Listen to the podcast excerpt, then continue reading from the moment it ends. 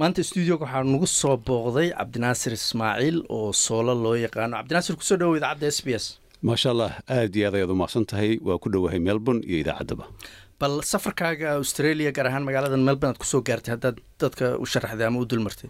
Maasha allah waxaan ka soo bilaabay caasimadda soomaaliya magaalada muqdisho. Actually vlog ayaan ka soo sameeyey oo la yidhaahdo muqdisho to melbourne.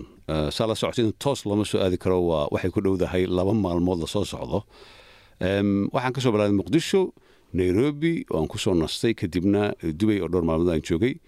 Afar iyo toban sax kadibna waxaan soo gaaray magaaladan aadka u baaxadda weyn ee quruxda badan ee melbourne oo aan ku haminayay waqti aad u dheer inaan soo booqdo. Aadaan ugu faraxsanahay booqashadan. Waa gartay maalin dhaweyd dad baa ku hadalhayo waxaa la yidhi cabdinaasir soola yaa soo booqday magaalada melbourne qof baa wuxuu yidhi cabdinaasir soola kee ahaa? Marka waxaa lagu yidhi waa nin ku caanbaxay baraha bulshada oo caan ku noqday. Ma tilmaan saxa in lagaa bixiyo mise si kalea isku tilmaami lahay wallaahi u malayn maayo dhankaas inay tahay. Haddii dhanka mediaha la eego social mediaha ma jirin markaa mediaha aan soo galnay ki aniga iyo asxaab kale. Waa almost years ago. Laakiin dadka intooda badan social media ka hor ilaa hadda waxay u yaqaanaan inaan ahay macalin i c t-ga dhiga oo jaamacadaha soomaaliya iyo waddamada ka dhigo. Runtii ma jecla in lagu aqoonsado social media laakiin as a teacher ama macalin ahaan? Waa gartay laakiin waxaa ku soo caanbaxda oo caan ku noqota ma la dhihi karaa baraha bulshada? Waxaan dhihi karaa t v la oran jiray universal t v ayaan ku soo caanbaxay markii ugu horreysay kii waa gartay maxaa ku tilmaami lahayd sida soomaalidu hadda u isticmaasho baraha bulshada guud ahaan runtii soomaali haddaan nahay waxaan u isticmaalnaa qaabka qaldan. Soomaalida waxa la yidhahdaa inta badan usha meesha dambe un baan ka qabsanaa. Adduunka baa laga faa'idaystaa ganacsi baa lagu sameeyaa caafimaadka waxbarashada isdhexgalka. Laakiin annaga social media waxaan moodnay tiktoka ama facebook ama meelaha kale oo dadku ay isku haystaan oo arrimo aan xasaasi ahayn halkan aan ka sheegi karin la isku haysto. Laakiin sidii loogu talagalay oo looga faa'iidaysto uma isticmaalo soomaaliya haddaan nahay. Waa garta ma la dhihi karaa waxaa aada loogu isticmaalaa kala qaybinta bulshada qabyaaladii oo la sii kordhiyey nidaamkii dowladda iyo kala dambeyntii oo lagu sii wiiqo. Bilaa shaki way jirtaa waxaad arkaysa xataa waraaqa oo official ah oo sir ah oo secret ah dowladda ay leedahay xataa. In la soo dhigo baraha bulshada la soo dhigo dadkii qabiil ahaan loo shiriyo kicin la sameeyo gruub la taageero dhallinyaradii laga dhaadhiciyo waxaan jirin oo la yidhaahdo waxbarasho xataa uma baahnideen haddii aad followers badan aad heshaan oo ama aad soo gashaan tiktok ama facebook aad caan noqonaysaan marka dhibaato weyn ayaa societyga bulshada soomaalida ka haysa social media runtii. Waa garta su'aalihii u horreeyey waxaan kuugu bilaabay maadaama dad aduu ka mid tahay baa caan ku noqday oo dee waad ka falanqayn jirtay siyaasadda soomaalida adoo u k jooga telefishinka universal kadib facebooka soo geli jirtay. Ma la dhihi karaa cabdinaasir qayb buu ka qaatay dhallinyaradaas badan oo iyaguna raba inay ku soo caanbaxaan baraha bulshada oo qaarkood aaminsanba in lacag laga sameeyo. Inaad arintaas aduu qayb ka ahayd cabdinaasir bilaa shaki. Qofka hadduu ku arko adiga inaad ku caanbaxday laakiin qaabka u caanbaxday ku xiran tahay. Waa kugu dayanaya dhallinyarada way ku eeganayaan waxay leeyihiin hebelba waa ku soo caanbaxay oo wejigiis waa la yaqaanaa albaabkaasina waa u furmaa sidaa awgeed anna waa isagoo kale inaan noqdaa. Laakiin taas ma noqon karto keliya responsibility qofka uu qaadan karo oran karo anay igu daydeen. Hadday igu dayan lahay inay jaamacad wax ka dhigaan ama ay iskuula tacliinta sare ay bartaan wax fiican ayay ahaan lahayd laakiin dadka ugu badan ee maanta isticmaala runtii mar kale aan ku celiye qaab daran ayay u isticmaalaan. Mas'uuliyaddan anagoo dhan oo warbaahinta ku jirna ayayna saaran tahay inaan ka wacyigelino waa gartay marka ma la dhihi karaa telefishinadii caadiga ahaa idaacadihii caadiga ahaa iyo siyaasiyiinta soomaalida oo arrimaha jira sidii la rabay aan uga hadlin baa u sahasha dhallinyaradaas baraha bulshada ku jira oo qabyaalada ka hadla hadday rabaan oo ummadda kala qaybiya. Haddii dadka ugu caansan oo maanta soo dhoweynta weyn loo sameeyo oo geesi ama hero laga dhigo waa dadkaas oo aan dhihi karo bilaa shaki inay yihiin societyga dadka maarata bulshada ugu liita inawey qaabkay u hadlaan siday wax u sameeyaan. Waxaana u sahlay dadka siyaasiyiinta dadka isku qabiilka yihiin dadka layidhi landheeraad tihiin ama wax walbaad qaban kartaan. Ogsanow kan ma ahan traditional media la yaqaanay oo dadku tababar u soo mari jireen oo jaamacad loo soo geli jiray training dheer la soo geli jiray islamarkaana editorial control lahaa oo radio t v journal wuxuu ahaadaba kan qof walbo smartphone hays intuu soo galo wuxuu rabuu sheegay cid controlaysna bayraatee ma jirto. Sidee wax looga qaban karaa marka? Way adag tahay. Waddankeeni tusaalahaan waxay isku dayeen inay aalado qaarkood ay joojiyaan laakiin lama controli karo waa almost impossible. Haddana dhallinyaradii waxay ka sameeyeen lacag bay ka sameeyeen qof inkamkiisa aanu ahaan jirin konton ama boqol dollar bishii oo waddankii ku nool hadduu maanta dhowr kunoo dollar shan toban kunoo dollar bishii uu helo qofkaas waa impossible. Content cusub inuu sameeyo rabaa kuwaasoo traditionkii iyo dhaqankii iyo diintiina aan maaragtay aanu isbarbar socon karin. Marka aniga waxaan aaminsanahay way adag tahay isbeddelkan teknolojiyada saameynta uu ku yeeshay somalia in wax laga qaban kara hadda. Waa garta laakiin shacabka soomaalida laftigooda maxaa keenaya in qof ama helsinki fadhiya ama minneapolis fadhiya ama norway fadhiya oo facebook soo fariistay inuu uga sheekeeyo waxa villa soomaaliya ka socdo boqolaal kunoo iyaga ay daawadaan oo ka commenti karayaan. Shacabka laftigoodu qalaqso qayb kuma leh well su'aal aada muhiima waaye waayo wuxuu rabo ayuu ka maqlayaa tan ugu muhiimsan waa taas. Qofkaas wuxuu u dhegaysanayaa ama qabiilkii ka dhashay uu buunbuuninayaa ama siyaasi uu jeclay buunbuuninaya marka audiensaha ama dhegaystayaasha ama daawadayaasha ayaa ah dadka u sahlaya qofkan inuu followers badan helo uu caan noqdo. Laakiin dadka qaarkood markay soo galaan waxay ku hadlayaan markaad maqashid xataa yaabaa kugu dhacaya. Laakiin problemka qofkaas maaha. Qofka haddaan la dhegaysan lahayn wuu iska dami lahaa hawadu ka bixi lahaa. Laakiin audiencihii ama dhegaystayaashii ama daawadayaashii ayaa u fududaynaya qofkaas inuusan u caanbaxo oo dad badan uu yeesho balaayina uu isu maleeyo. Waa garta siyaasiyiintu qayb intee la eg bay ku leeyihiin waxaa dhici karta marka qaarkood arrimo jira oo xaqiiqa oo dadkoo dhan ay ka sheekaynayaan. Haddana siyaasiyiintii iyo dowladdii ay khusaysay aan kelmadba laga maqlayn. Shaqo kuma leh. By the way siyaasiyiinta way isticmaalaan waayo ma doonayaan in magacooda public la soo dhigo information ay u gudbiyaan. Iyagaa lacag siiya qaarkood waxay leeyihiin aniga soo ammaan ama qofkan iga soo horjeeda siyaasadda iga soo horjeeda ama aan ku tartamayn xildhibaannimo waa inaad maaragtay soo hajuuntaa soo ataagaraysaa in a way si qofkaas maaragtay hawada looga saaro. Dadkana waa very sensitive bay ku noqdeen dhanka iyo social media. Haddii qofka wax laga sheego welwel baa gelaya. Marka siyaasiyiintana waxay noqdeen enable ayay noqdeen way u fududeeyeen ama ay u sahleen dadkaas in maalin walba ay soo galaan social media la dhegayso millions ay dhegaystaan islamarkaada opinionkooda iska daaya xitaa hadallada qaarkood markii ay sameeyaan saameyn ay ku yeelato siyaasadda waddanka. Waa garta cabdinaasir mar aad ka hadlaysay telefishin ku yaalla muqdisho waxaad qeeratay haddaan khaldanayn adaa isaxaaya inaadba adugu aasaasihii waxa loo bixiyey c b b da tahay marka marka hadda fiirisid sida wuxuu u qarxeen iyo dhallinyaradii iyo beenta iyo robagandada la daldalayo marna ma istir markaad dib u fiirisid khalad bay ahayd waxaan inaan bilaabo horta serious ma ahayn. Waxay ahayd waxa xaflad waxay ahayd oo cabdiraxmaan cabdishakuur loo sameynayo oo aadna ay ugu dhibaateen. Magacan by the way isagaa bixiyey. Marka waxay ahayd joog oo maaragtay kaftan ay ahayd. Wax c b b la yidhahdo horta oo la dhisay oo golo sare iyo golo dhexe iyo maamul iyo meeting leh haba yaraatee ma jirto. Waa wax virtual ah oo hawada isaga jiray weligeyna memberka ma noqonin weligeyna ma abuurin weligeyna lacag kama qaadanin. Waxay ahayd uu joogi joogiya wuxuu noqdo mataqaanaa hawada si fiican u galay. Laakiin one thing i can tell you is c b b wax fiican ma ahan. Kuwa hawada ku jira iyo kuwa ka maqanba environment waxay sameeyeen ummaddii oo dhan lagu dhalan rogay oo la sameeyey maaragtay waxyaabo aan lagu aqoonin traditionka mediaha sida wax loo soo gudbiyo. Waxaa la sameeyey narrative ayaa la sameeyey. Dhibaatooyinna waddanka waa u geysteen. Maantana consequencihii ka dhashay wakhtigaas ayaa maanta aan maaragtay mirihiisa aan guranaynaa waa garta warbaahinta caadiga marka khalad intee la eg bay ku leedahay. Hadda soomaaliya telefishinaa ka shaqeeya idaacadaa jira. Waxaa laga yaabaa dadka dhegaysta ama ku xiran inay aada uga yar yihiin kuwa ku xiran dhallinyarada facebooka soo fariista. Marka warbaahintaas eed intee la eg bay ku leedahay in waxaanu fidaan. Eed aad badan bay ku leeyihiin waayo iyaga xataa way heli kareen in inay social mediaha ay isticmaalaan. Laakiin maanta dadku ma dhegaystaan idaacadihii iyo maaragtay tviyadii iyo joornaaladii qof eegaya male qof walba smartphone ayuu gacanta ku haystaa. Wuu soo gelaya wuxuu arkayaa ama uu taageerayaa ama wax reerkiisa ama qabiilkiisa ama siyaasiga uu aaminsan yahay. Marka meeshii waxa ka baxay warbaahintii la yaqaanay ee dadku ay u soo tababarteen oo dad badan ay ku caanbaxeen ayaa meesha ka baxay. Sababtana waxay tahay ma rabaan waayo waa la control editorial control ayaa jirta. Hadda meeshan aan ku suganahay waxaan rabna ma sheegi karno oo dhibaata naga soo gaari karta. Laakiin meeshan kale qofka wuxuu rabo ayuu samaynayaa.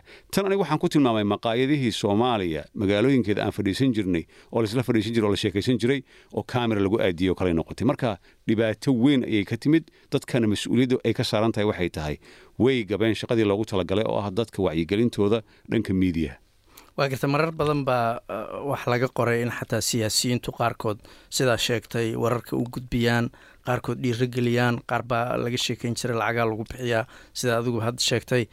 Ma wax jiraa in siyaasiyiintu ay lacag ku bixiyaan dhallinyaradaas facebookyada fadhiya dadka social media ku shaqaysta. Adiguse qayb ma ka ahay. Oh boqolkiiba boqol lacag waxa lagu bixiyaa oo millions ayaa lagu bixiyaa oo bilaa shaki ah. Anigu qayb ma ka ah maya without any doubt. Anigu dee nin wax bartay baan ahay oo si fiican horuna ugu soo shaqaystay haddana shaqaysanaya.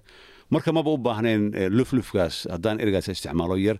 Laakiin waxa lagu bixiyaa xilliyada doorashooyinka xilliyada xasaasiga ah lacag millions ayaa lagu bixiyaa. Dad oo dalka iyo dibadda jooga oo lagu tilmaamay inay influential yihiin ama saamayn ay leeyihiin hadda af somaliya la isticmaalo. Kuwaasoo waxay abuurayaan narrative ama ma aragtay arrimo qofkaas bedeli karta ama dadka jeclaysiin karta. Doorashooyinku markay dhacayaan oo kale.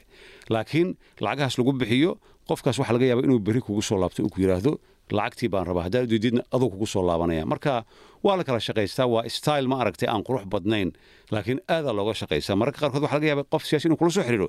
Uu ku yidhahdo cabdinaasir waxaan rabaa in aad ii baahisid arrimahan toban kun labaatan kun oo ayaan bixinaya waa lacag aad u fara badan qof soomaaliya joogo kale.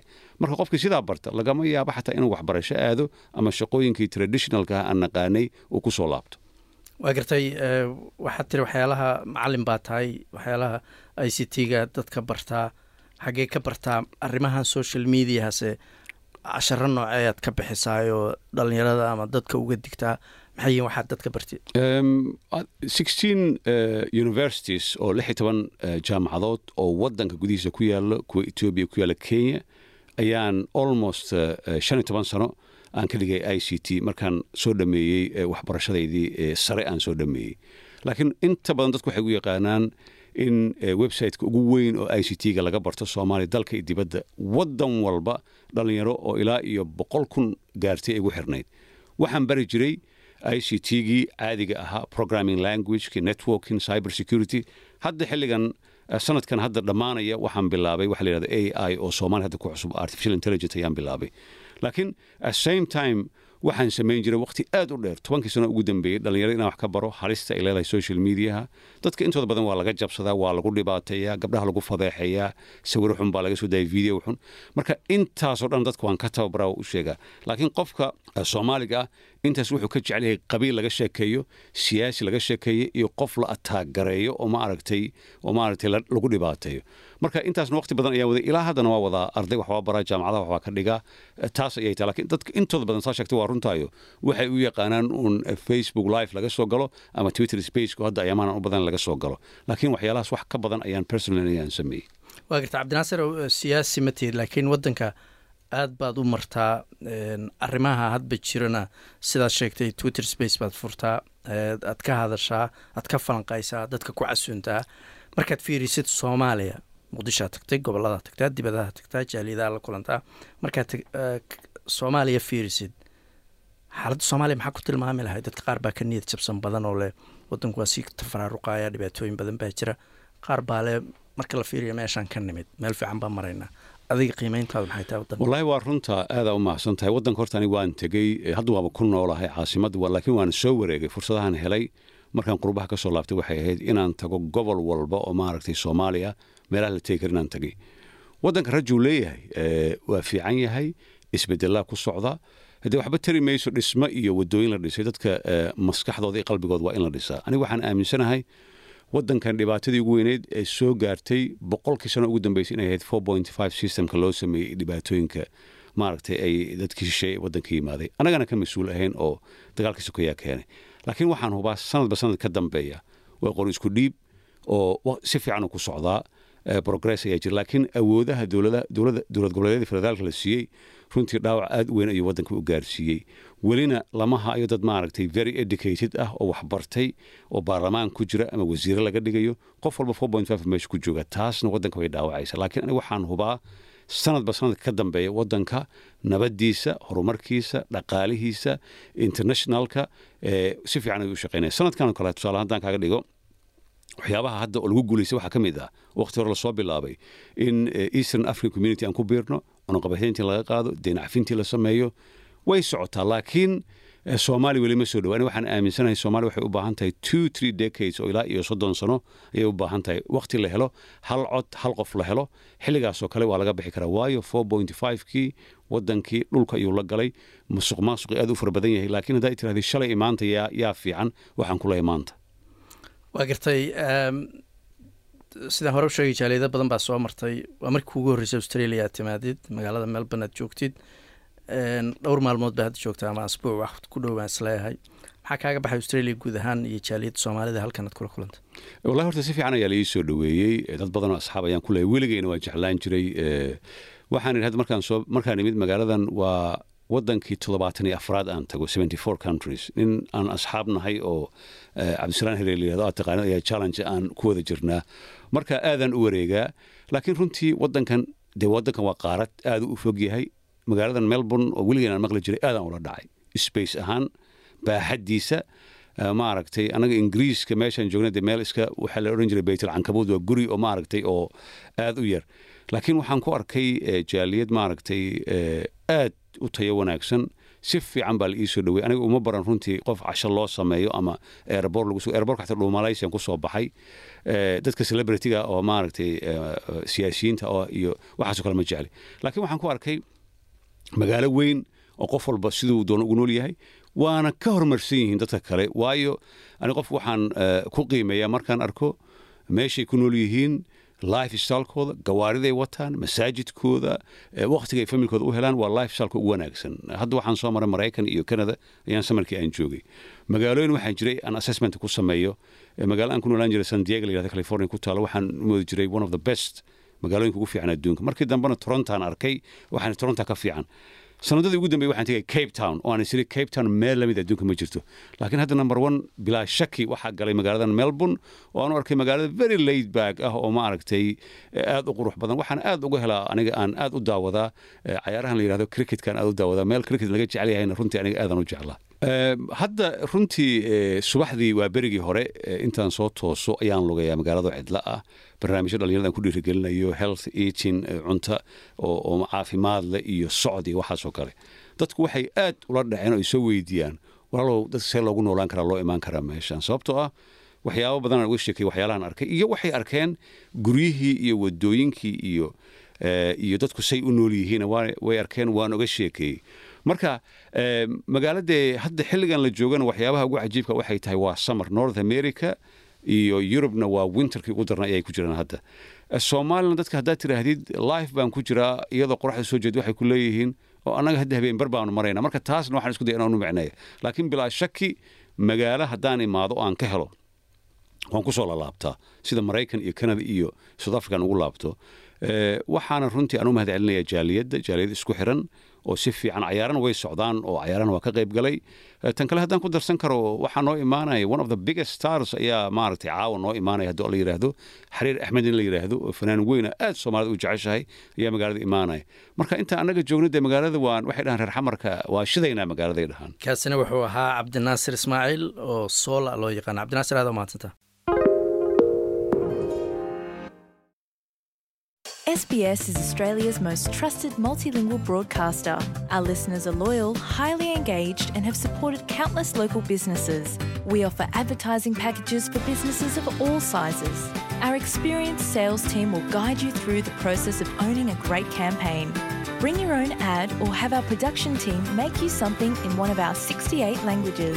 Start the conversation with your new audience today. Email sales at sbs.com.au.